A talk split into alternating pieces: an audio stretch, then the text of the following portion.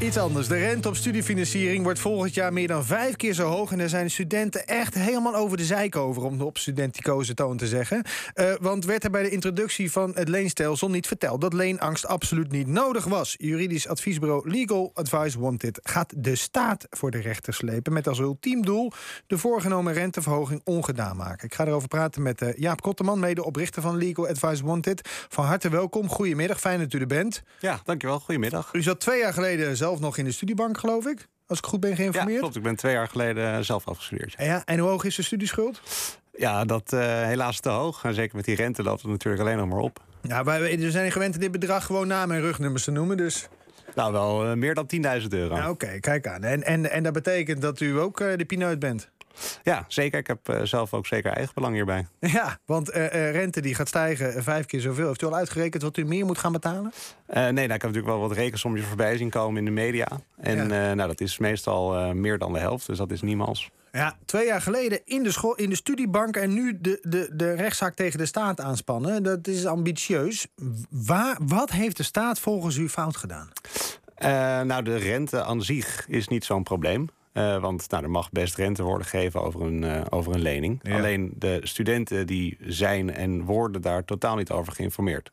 Okay. Het is, je hebt bij een, een bank of een andere kredietverstrekker, die, nou, daar moeten ontzettend veel banners in beeld staan. Um, als iemand een lening wil van een bank en die is risicovol, dan mag de bank niet doen. Dan moet de bank zelfs adviseren een andere bank om dat ook niet te doen. Ja. Maar als een student van uh, 17 of 18 een uh, meerjarige lening van meer dan 10.000 euro per jaar wil afsluiten, ja. dan wordt die uh, nou ja, op de site van Duo daar niet voor gewaarschuwd. En komen er geen banners met let op geld lenen kost geld. Ja, maar ik, ik heb toch vooral het idee dat de studenten kwaad zijn... dat die rente gewoon pats, boem, in één keer vijf keer zo hoog uh, is geworden. Dat, ja, nee, dat dat de boosheid zit. Dat is uh, denk ik... Maar u zegt, u zegt die rente uh, is niet zo'n probleem. Nou, de rente aan zich. Alleen als je niet weet dat er iets gaat gebeuren... dan is het natuurlijk, kan je daar zeker boos om worden. Dat zou ik ook hebben als ik niet zou weten dat die rente opeens keer vijf kan gaan... van ja. het een op het andere jaar. Ja. Dan zou ik daar ook boos om worden. En dat is denk ik de crux van het probleem. Dat studenten daar gewoon niet goed over geïnformeerd zijn. Ja, ja, ja we hoorden aan het begin uh, van de uitzending een fragmentje van uh, Jet Bussemaker, minister die dat leenstelsel toen invoerde. Um, he, heeft hij nou, want dat hangt ook een beetje boven de markt, begrijp ik. Sommige studenten zeggen, want er is ons beloofd dat die rente nooit uh, zou stijgen of altijd op nul zou blijven. Of wat is er nou eigenlijk beloofd volgens u? nou, dat is nooit beloofd in zoveel woorden. Um, er is natuurlijk wel de suggestie geweest van het is een sociale, het zijn sociale voorwaarden ja. waaronder wordt terugbetaald. Er ja. hoeft geen leenangst te zijn.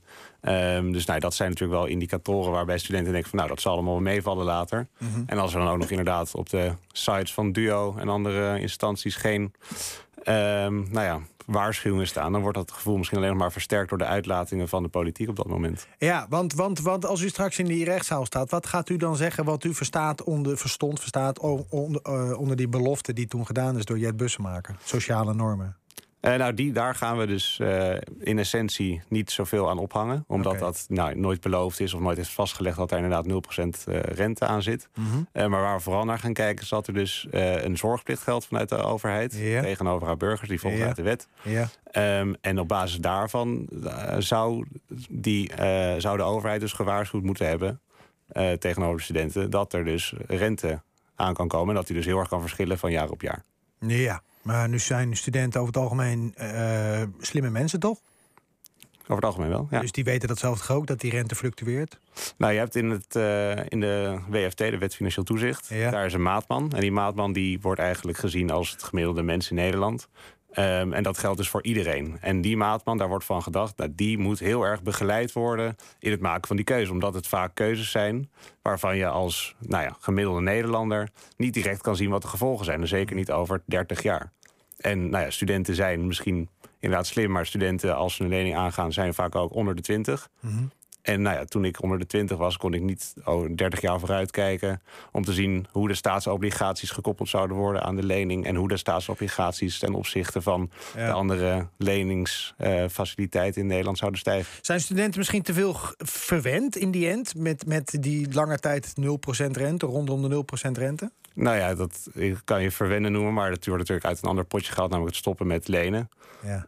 Uh, of het stoppen met het krijgen van de studiefinanciering. Dat is natuurlijk helemaal gestopt. In plaats daarvan kwam kwam lenen. Mhm. Nou ja, dat daar 0% rente aan zat, vind ik dan eigenlijk in die zin redelijk terecht. Ja. Omdat natuurlijk het gratis geld, om het even zo te zeggen, stopte. Ja. Eh, en dan moet je het gaan lenen en dan kan je het ook later weer terugbetalen. Ja. Ehm, maar of studenten nou verwend zijn, er zijn natuurlijk ook heel veel andere aspecten. Bijvoorbeeld het, eh, dat er eerst werd gesuggereerd dat de studieleen niet wordt meegenomen bij het bepalen van een hypotheek. Nou ja, dat is nu ook niet meer zo. Mhm. Eh, dus daarin nou ja, vind ik niet dat de pechgeneratie verwend is. Nee. Nee, dus, dus eh, eh, tussen de regels door hoor ik u toch telkens zeggen... Die, die overheid is zijn belofte niet nagekomen eigenlijk. Nee, nou, ze, ze hebben dus die belofte gesuggereerd. Ik zeg niet dat ze dat zwart op wit gezegd hebben of een keer nou ja, of, Ja. of ergens neer hebben gezet. Maar ze hebben wel gesuggereerd dat het allemaal wel mee zou vallen. En als je dan ook nog niet gewaarschuwd wordt, dan denk ik dat daaruit volgt dat er wel een probleem is ontstaan. Ja. Ja, nu hebben we wel even, even gebeld met Duo. Dat is die uitvoeringsinstantie eh, namens de overheid als het gaat om de, de studieschulden. Die zeggen in een reactie aan ons dat studenten op het moment dat zij die lening aangaan... altijd worden geïnformeerd dat de rente wordt gerekend. Nou, dat zegt u ook. En ook wordt er onder andere jaarlijks een mailtje gestuurd... wat de geldende rente is. Klopt dat?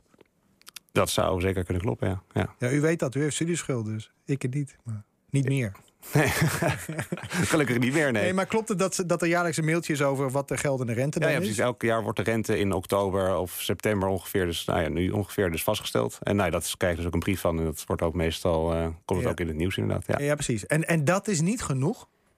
Nou ja, dat is dus eh, na afloop van hoeveel is de rente nu. Je hebt een studieschuld, hoeveel is de rente nu? Mhm. Want als je dat vergelijkt met waar banken aan moeten voldoen, dan is dat heel anders. Als de ING op deze manier lening zou verstrekken aan iemand van 18 van 50.000 euro, dan zou, dat, zou de ING een ontzettend probleem hebben. En, omdat, en de overheid, die in essentie ook een krediet verstrekt van een heleboel, heleboel geld, die heeft Ja. niet die verantwoordelijkheden. Maar ik begrijp het toch niet helemaal, eh, meneer. De- de- je hebt een studieschuld. Duo eh, eh, heeft dat in beheer, zeg maar. Die voert dat uit. Die stuurt je elk jaar een mailtje. Meneer Kotterman, de rente is bij deze dit jaar op dit percentage vast afge- afgesloten. Ehm, volgend jaar krijgt u weer een mailtje. Elk jaar krijg je een mailtje.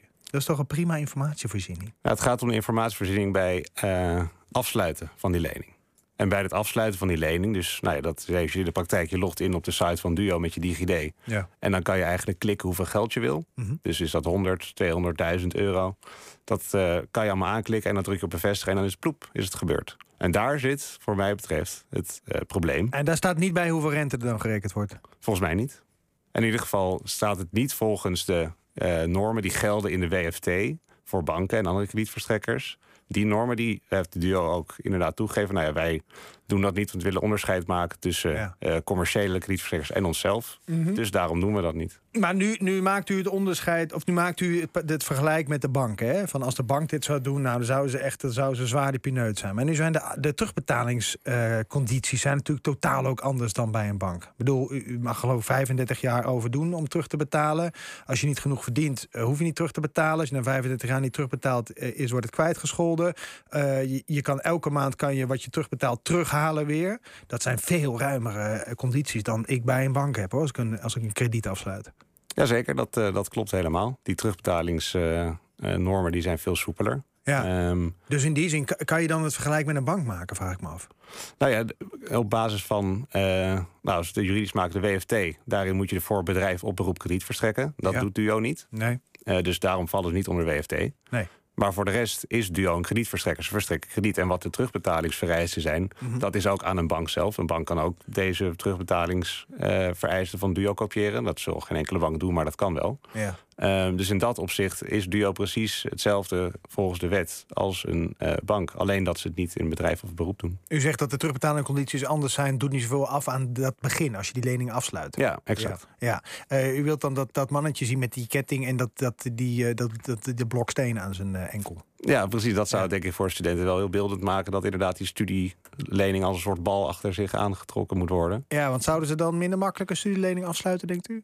Eh, ik denk het wel. En ik denk ook dat in ieder geval als de rente stijgt, dat ze zich minder zullen verbazen. En minder in de, in de bres zullen springen van hé, hey, dit is gek. Eh, Ja. ik, heb dit, ik wist dit niet. Ja, wat is nu uw inzet bij die rechtszaak? Wat wilt u dat er gebeurt?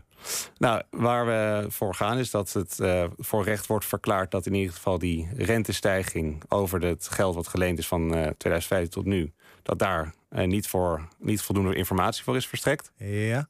om dus die lening af te sluiten. En wat eist u dan? Nou, we, we, eisen dan een verklaring voor recht. Dat de rechter dus zegt, nou dat had inderdaad niet gemogen, want de student is niet voldoende geïnformeerd. Oké. Dus die rente die nu wordt geheven op die studielening, dat mag niet. Oké, dus u wilt in die end toch dat die rente niet verhoogd mag worden? Ja, omdat er dus niet genoeg is, is uh, Ja, precies. Dat is de reden. En stel dat jullie nu winnen, wat zou dan het gevolg zijn? Nou, in principe uh, op papier niet zo heel veel. Uh, want wij gaan voor één student gaan wij dit doen. Um, en daarvan zegt de rechter kijk, verklaar voor recht dat inderdaad die rente niet omhoog moet gaan. En, nou ja, en dan, dan is het eigenlijk in principe klaar. Dan zou je daarna nog een schadevorderingsprocedure kunnen starten voor die rente. Ja. Maar we hopen dat voordat wij en nou ja, nog 60.000 andere studenten dat moeten gaan doen, dat de overheid met iets over de brug komt. En iets over de brug komt betekent? Wat ons betreft dat er geen uh, renteverhoging uh, is. Helemaal geen renteverhoging? Nee, ja, om, nee ja, omdat inderdaad die studenten niet zijn ja. geïnformeerd ja. daarover. Zou u aardig wat geld schelen? Ja, met ik denk met heel uw veel eigen studieschuld. Ja, zeker. Uh, we gaan zien wat eruit komt. Dit gaat wel even duren, denk ik, hè? Ik vrees van wel. Ja. Uh, ik dank u hartelijk voor uw toelichting. Jaap Kotteman van Legal Advice Wanted... die dus die uh, rechtszaak tegen de staat aanspant... vanwege die gestegen rente op studieleningen.